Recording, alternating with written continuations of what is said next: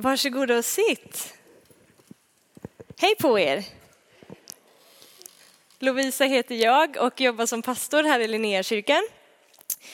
Ehm, jag tänker att jag idag ska predika om lovprisningens klädnad istället för en modfälld ande. Och för dig som inte är van att gå i kyrkan så kanske du precis tänkte, oj det var väldigt vad mycket kristna ord det var i den titeln. Och eh, jag hoppas att jag ska kunna bena ut lite vad, vad det betyder under resans gång. Men det som jag egentligen vill göra är att, att bjuda in er på det som har varit min resa under senaste, ja egentligen stor del av mitt liv, men, men också under senaste veckorna. Eh, vi vet ju alla att vi lever i en verklighet som inte bara består i det som vi ser med våra mänskliga ögon, det som vi kan ta på med våra fysiska händer. Liksom. Det finns ju någonting som vi inte ser också, eller hur? Annars skulle vi inte vara här, för då hade, skulle vi få problem att tro på Gud om vi inte trodde att det var så. Så vi lever ju i en andlig verklighet, mitt i liksom det som tillhör Guds rike, men också det som tillhör den onda sidan, som ibland gör sig påtagligt. Eh, och för några veckor sedan så hade jag en upplevelse där jag konfronterades med den här andliga verkligheten på ett sätt som inte hör till min vardag. Man är ju mer eller mindre medveten om det här liksom under, under livets gång på något sätt. Men där och då så ställdes jag inför en situation där den här andliga verkligheten blev otroligt tydlig för mig. Eh, och jag blev väldigt medveten om att vi strider inte mot kött och blod, utan som Efesierbrevet kapitel 6 säger, vi strider mot eh, härskare och välderna och eh, så, och därför behöver vi ta på oss den andliga vapenrustningen. Det blev väldigt, väldigt påtagligt för mig. Eh, och man kan ju, det är alltid intressant när man ställs i sådana situationer att se vad händer i mitt hjärta? Alltså vart tar mitt hjärta vägen i det här? Hur orienterar sig mitt hjärta i den här situationen? Liksom? Det blir en lite sån reality check vart man själv befinner sig med Gud. Eh, och jag skulle önska att jag hade varit ruskigt frimodig i den stunden liksom, och kunde ha världens vittnesbörd liksom, för alla sen efteråt hur jag hade hanterat det här på ett så väldans modigt och djärvt sätt. Eh, tyvärr så gjorde jag inte det. Jag kände mig inte alls så frimodig i den stunden för att vara ärlig. Eh, snarare så kände jag mig hur liten som helst. Och fruktan ville gripa tag om mitt hjärta för att vara ärlig. Och det var inte en rolig känsla. Har du varit där någon gång så vet du hur det känns. Det är inte en skön känsla liksom, när man känner att rädslan ligger så nära till hands och vill liksom uppsluka hela varelsen någonstans fastän att man önskar att man var jättemodig. Så tar hjärtat vägen åt, åt helt andra hållet. Det som händer när fruktan kommer in i bilden, eller när rädsla kommer in i bilden, är att man också blir missmodig, liksom, eller man känner sig hopplös. Varför? Jo, för att anledningen till att fruktan kommer in från första början är ju att jag har tappat perspektivet. Jag har tappat perspektivet på vem Gud faktiskt är, vem han är i mig och vem jag är i honom i den här stunden. Därför får, får rädsla en ingång i mig. Liksom. Eh, och tappar jag blicken på vem Gud är så tappar jag också hoppet. För han är ju vårt hopp, eller hur? Han är ju våran framtid. Det är ju han som är svaret, det är han som är lösningen i alla situationer. Tappar jag blicken där, eller tappar jag min, mitt fotfäste eller min förankring ifrån det, så kommer mitt hjärta att känna sig missmodigt eller, eller hopplöst liksom. Och när hopplöshet kommer in i bilden, det som ofta händer då är att vi blir lite paralyserade. Liksom. Vi blir lite lamslagna, vi blir lite tappar handlingskraften lite grann. Liksom. För att det finns inte en tro som reser sig upp på min insida i det läget som aktiverar mig och sätter mig i rörelse. Utan jag blir liksom lite så här, känslan är att jag blir offer för den här fruktan. Men verkligheten är ju inte att jag är ett offer för den här fruktan. Så när det här hände mig då, för några veckor sedan. Gud är ju vansinnigt god. Han kommer och påminner mig och säger så här, Lovisa, nu säger jag det här på engelska för det låter bättre på engelska. Det var så jag hörde det i mitt huvud. Alltså Lovisa, you are the gatekeeper of your own heart. Du är ditt eget hjärtas väktare. Med andra ord, det är du som bestämmer vad du släpper in i ditt hjärta och det är du som bestämmer vad som ska ut ur ditt hjärta. Du har själv blivit given den auktoriteten eller den makten av Gud att att bestämma det över ditt eget hjärta. Du kan bestämma dig för Lovisa om du vill släppa in den här fruktan i ditt liv eller inte.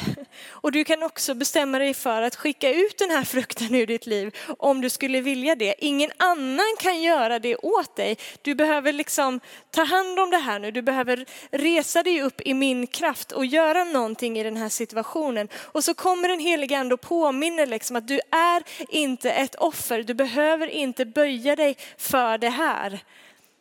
Utan kom igen nu Lovisa, let's rise up. Fruktan kommer ju någonstans av att jag har svalt en lögn. När vi pratar om att vi lever i en andlig verklighet och att det är en andlig kamp, den primära andliga kampen som du och jag har att utkämpa sitter innanför vårt pannben. Striden finns i vårt sinne. Och när jag känner fruktan så förstår jag någonstans att mina känslor, vad jag upplever i mina känslor kommer som ett resultat av vad jag tänker. Och jag vet att en känsla av fruktan kommer inte ifrån Gud. Alltså måste den här fruktan ha sin rot i en annan tanke, det vill säga en lögn.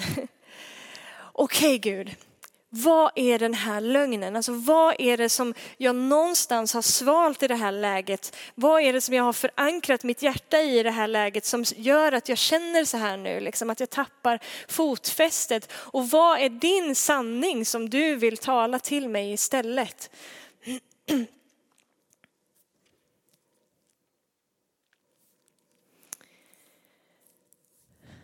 Så satt jag där och funderade på det som gjorde mig rädd. Och ju mer jag funderade på det som gjorde mig rädd, desto räddare blev jag. Det var en rätt så dålig spiral kan man säga. Och jag var ganska medveten om att den spiralen hände också. Men ju mer som jag gav näring åt den här lögnen som skapade fruktan i mig, desto större växte den sig. Och när Gud då kommer och säger att Lovisa, you are the gatekeeper of your own heart. Nu kan du bestämma här. Vill du fortsätta att förstora och nära det som är den här lögnen? Eller ska vi försöka med att förstora och nära sanningen här istället? Ska vi försöka med att förstora vem Gud är i den här situationen? Ska vi försöka med att nära de tankarna istället? Vem Gud är, vem han är i mig och vem jag är i honom. How about that? Hur gör man det då? Hur hittar man det liksom? För när man sitter där mitt i ett känslomässigt virvar så är det inte alltid så lätt liksom att bara så här, vad ska jag ta vägen med mig själv? Vad gör jag med mig själv och alla mina känslor och det som pågår i mig? Vad, vad, vad gör jag i den här stormen? Jag kan veta i mitt huvud liksom, men det är inte så himla lätt att få till det alltid i praktisk handling eller så.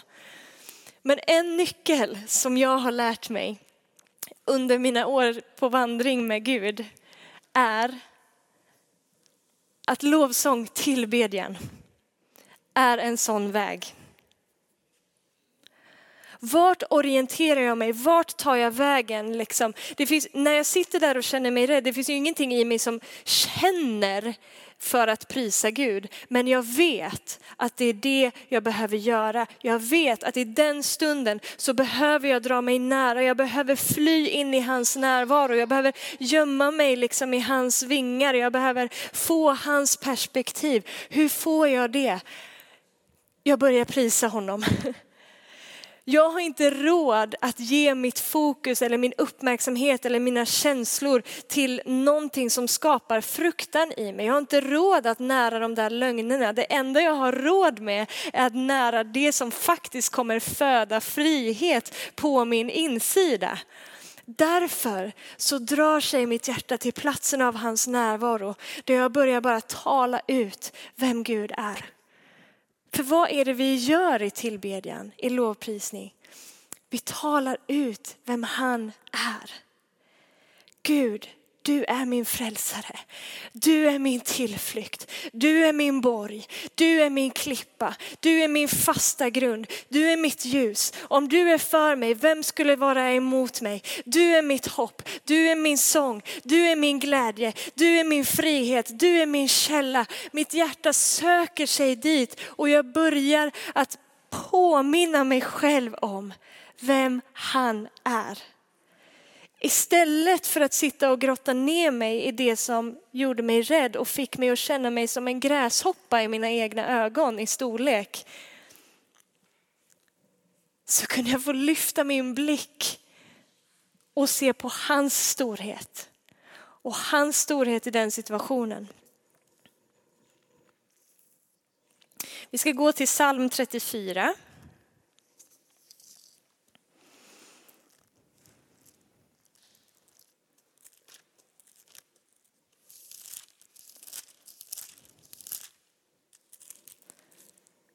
Och vi ska läsa ifrån vers 4. Lova med mig Herren, låt oss tillsammans upphöja hans namn. Den här versen på eng i engelska bibeln så står det Magnify the Lord with me. Och vi har inte riktigt något bra ord för magnify på svenska, men på engelska står det magnify. Och vad magnify betyder är förstora egentligen. Det är samma ord som används när, de ska säga, när man säger förstoringsglas, magnifying glass. Det man zoomar in på, liksom, det man förstorar. Den här salmen skrev David när han var jagad av Saul. Eh, den första versen säger av David när han låtsades vara vansinnig inför Abimelech som drev bort honom så att han gick sin väg.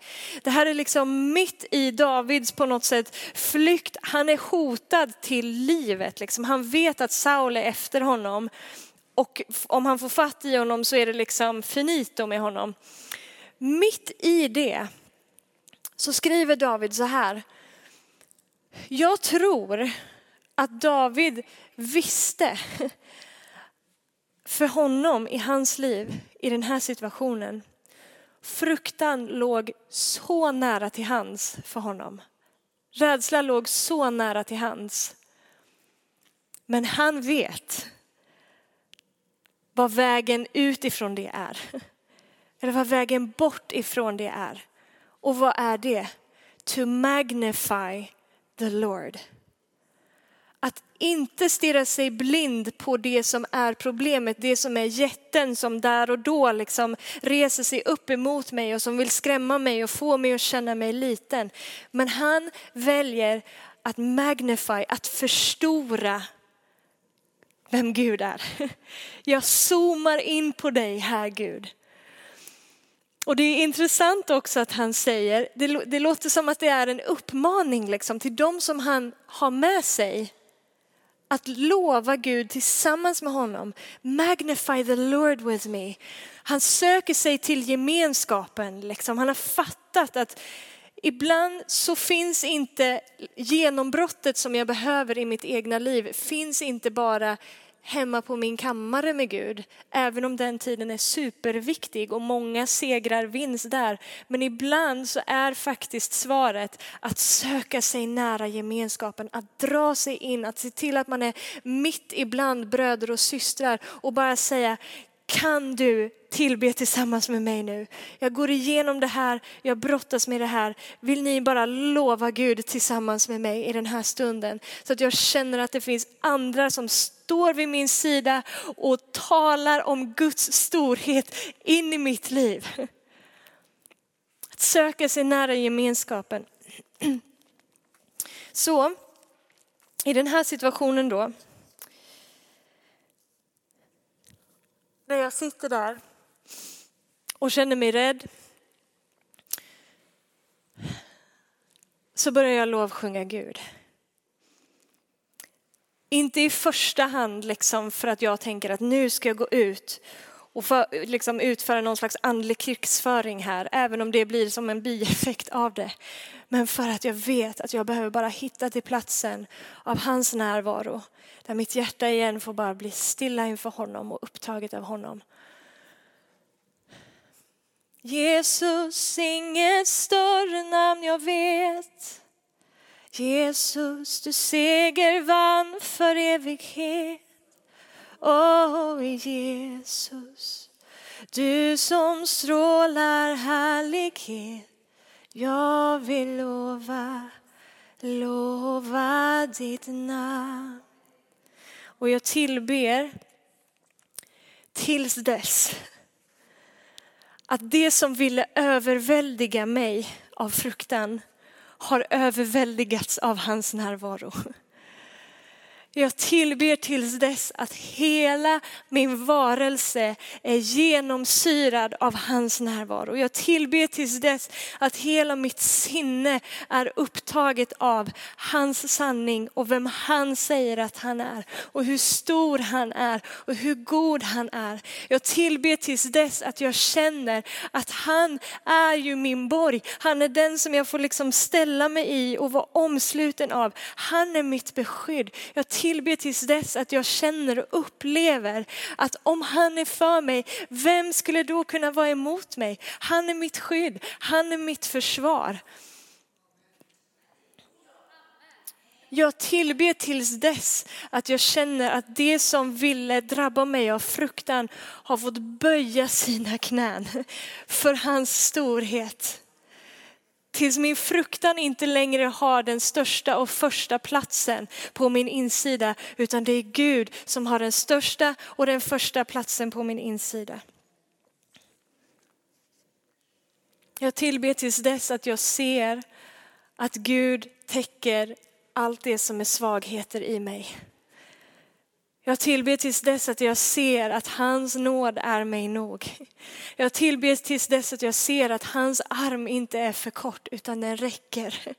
Jag tillber tills dess att jag ser att hans kärlek övertäcker allt och når alla områden i mitt liv och som jag någonsin kan möta. Jag tillber tills dess att hela min ande, själ och kropp är så genomsyrad av honom och hans storhet, av vem han är, av hans godhet, av hans kärlek, av hans kraft, av hans glädje, av hans frid och hans hopp. Att jag kommer till platsen där jag känner att min själ kan vila i honom platsen av vila i honom. Den fullständiga tryggheten tillsammans med honom. Där jag vet att inget ont kan röra vid mig på den platsen. För han omsluter mig. Ibland går det snabbt att komma till den platsen, ibland tar det lite längre tid. Vi har en själ och i våran själ så pågår det lite känslor och ibland gör den där själen en vansinnig massa oväsen av sig. Liksom. Och då tar det lite tid ibland innan jag lyckas orientera mig så att min ande får liksom resa sig ovanför oväsendet av min själ. Om ni fattar vad jag menar, det är lite metaforiska termer här. Men din ande gensvarar till Gud mitt i det känslomässiga virvaret. Och när din ande får resa sig upp och din själ och din kropp får underordna sig det som din ande säger och det som din ande faktiskt vet i den stunden. Det som händer här nu på den platsen är ett skifte av perspektiv. Ingenting hade förändrats i mina omständigheter. Ingenting hade förändrats i Gud. Han har ju hela tiden varit densamme. Hans utgångspunkt har hela tiden varit densamme. Men mitt perspektiv vände blad. Helt plötsligt så var jag i mina känslor så var jag inte längre under utan över. Varför? För att jag såg den platsen som han har insatt mig på. Bibeln säger i Efesierbrevet kapitel 2 att han har insatt oss i Kristus, i den himmelska världen, på faderns högra sida. Där sitter ju jag, där är min utgångspunkt. Mitt perspektiv blev helt annorlunda och helt plötsligt kan jag förhålla mig och relatera till de här omständigheterna på ett helt annorlunda sätt. Vägen var tillbedjan. Vägen var lovprisning. Vägen var att magnify him. Att förstora honom och inte det andra. Det är det vi pysslar med varenda gudstjänst när vi kommer, när vi tillber. Vi väljer att tillsammans, kom låt oss lova Herren, come let us magnify the Lord. Låt oss förstora honom så att vi igen får bli påminda i våran själ om vem han är. Vem är han för mig? Vem är han i mina omständigheter? Och mitt hjärta igen får bli förankrat i att ingenting är omöjligt för honom.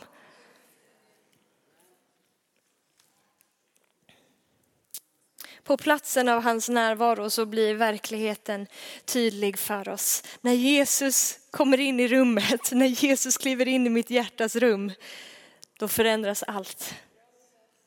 Då förändras allt. Och det som hände i mig då, nu har jag ingen aning om hur länge jag har predikat. Orkar ni några minuter till eller? Ja. Det som hände med mig då i den situationen när mitt perspektiv ändrades var att helt plötsligt så kunde jag bli tacksam för den omständigheten eller den situationen som jag hade blivit konfronterad med. Den situationen som från början fick mig att känna mig som en myra liksom. Och jag ville helst bara gå hem och gömma mig och aldrig mer komma tillbaka till det där. Helt plötsligt så kunde jag vara tacksam för den. Inte för att jag tyckte att det var allmänt kul att behöva möta den, men för att jag kunde se hur Gud skulle använda den situationen till sin fördel. Alltså om det är någonting som Gud är så är det ju expert på att låta allting samverka till det bästa. Alltså ingenting är förgäves i hans värld. Liksom. Vad som än händer, vilken omständighet du än möter, oavsett vad källan till den här omständigheten är, så kan vi vara säkra på att Gud kommer att låta det samverka till det bästa. Han sviker oss inte i det. Så, då blir jag tacksam. Tack Gud att jag fick möta det här. Varför? För jag ser att helt plötsligt så använder han den här omständigheten som en språngbräda för att jag ska kunna ta nästa, nästa kliv på min resa tillsammans med honom. Det blev liksom a stepping stone, det blev nästa trappsteg. Varför blev det så? Jo, för att den här omständigheten drev mig till platsen av hans närvaro där jag liksom blev för min egen överlevnads skull tvungen att söka Gud och dra mig nära honom. Och det som händer då är ju att Gud bara kommer och bekräftar och befäster ytterligare för mig vem han är, vem han är i mig och vem jag är i honom. Så det som fienden från början hade menat till att slå ner mig och få mig att känna mig som en myra och som ett offer i största allmänhet blev istället till någonting som fick mig att resa mig upp och ännu mer älska Gud för jag ser ännu mer av vem han är för att han fick uppenbara sig själv för mig i den här situationen. Det var någonting som befäste min identitet i honom ännu mer och, och fick mig att lära känna vilken kraft jag har tillsammans med min Gud. Tji fick han som försökte trycka ner mig. Goda nyheter, eller hur? Tji fick han.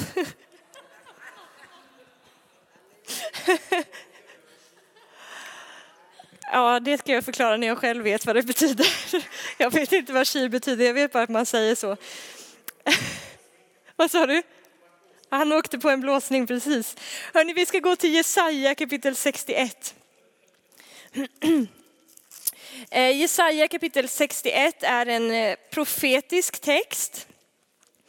Eh, och vi ska läsa första verserna här. De här verserna ser vi också återgivna i Lukas kapitel 4. Eh, och då är det Jesus själv som läser de här verserna om sig själv. Så de här verserna är vad man brukar kalla för liksom Jesu uppdragsförklaring eller Jesu arbetsbeskrivning eller så. Det som, det som är syftet med att Jesus kommer till jorden. Och det får också sin uppfyllelse när Jesus kommer och lever sitt, sitt liv på jorden och det som han gjorde där för oss. Så vi, vi kan läsa hela vägen från vers 1 Herrens, Herrens ande är över mig, ty Herren har smort mig till att predika glädjens budskap för de ödmjuka. Han har sänt mig att förbinda de som har ett förkrossat hjärta, att ropa ut frihet för de fångna och befrielse för de bundna. Till att predika ett nådens år från Herren och en hämndens dag från vår Gud, för att trösta alla sörjande, för att låta de sörjande i Sion få huvudprydnad istället för aska, glädjens olja istället för sorg, lovprisningens klädnad istället för en modfälld ande. Aha!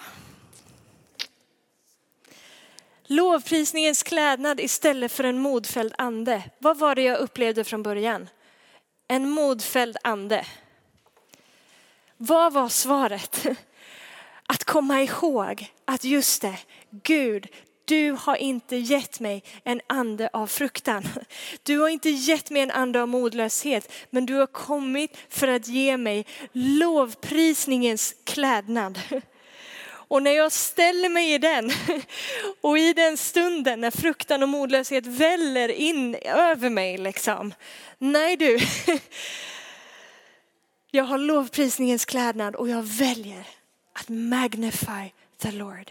Det är min väg. Ditåt orienterar sig mitt hjärta. Ditåt drar sig min själ. Det verkar som att lovprisning är som ett botemedel inom citationstecken för modlöshet, för hopplöshet. Och därför vill jag säga så här. Ett folk som lever i tillbedjan och lovprisning kommer vara ett hoppfullt folk. Varför? Jo, för att ett folk som prisar Gud, som magnifies the Lord, kommer ha sina hjärtan förankrade i det som är Guds sanning och det som är hans storhet. Och där i ligger vårt hopp.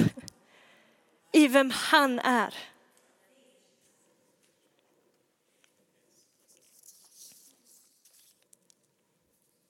När vi har det hoppet när vi ser vilken utgångspunkt, vilken startpunkt vi har tillsammans med honom.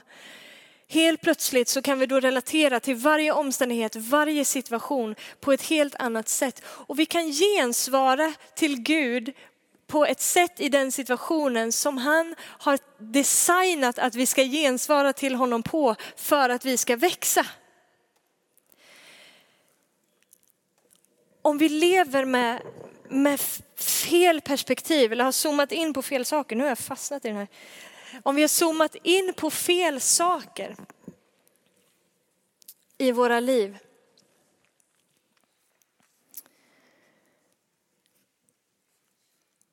Hur ska vi då kunna förstå vad det finns för syfte med den händelsen just då? Men när perspektivet skiftar och du ser hur Gud kommer använda den här situationen så kan jag gensvara till Gud på ett sätt i den situationen som gör att det blir till min tillväxt och till min mognad. Annars är det väldigt lätt att så fort det är någonting som reser sig upp i våran väg liksom, eller så fort det kommer ett problem eller omständighet som är lite jobbig i våran väg så blir vi ett folk som klagar lite grann och, och bara ber Gud snälla ta bort det här problemet, ta bort det här ifrån mig. Men Gud kanske hela tiden säger, vet du vad, det här problemet, jag har faktiskt låtit det vara kvar här just nu, för det finns någonting som vi kan lära oss tillsammans, du och jag, genom det här. Det finns någonting som jag vill bygga i dig genom det här. Och om du bara förankrar ditt hjärta i mitt hopp och i min storhet i den här situationen, så kommer det här gå alla tiders. Så ett folk som lever i tillbedjan och lovprisning blir ett hoppfullt folk och det blir ett folk som växer upp i mognad tillsammans med honom. Och allt folket sa Amen. Låt oss be.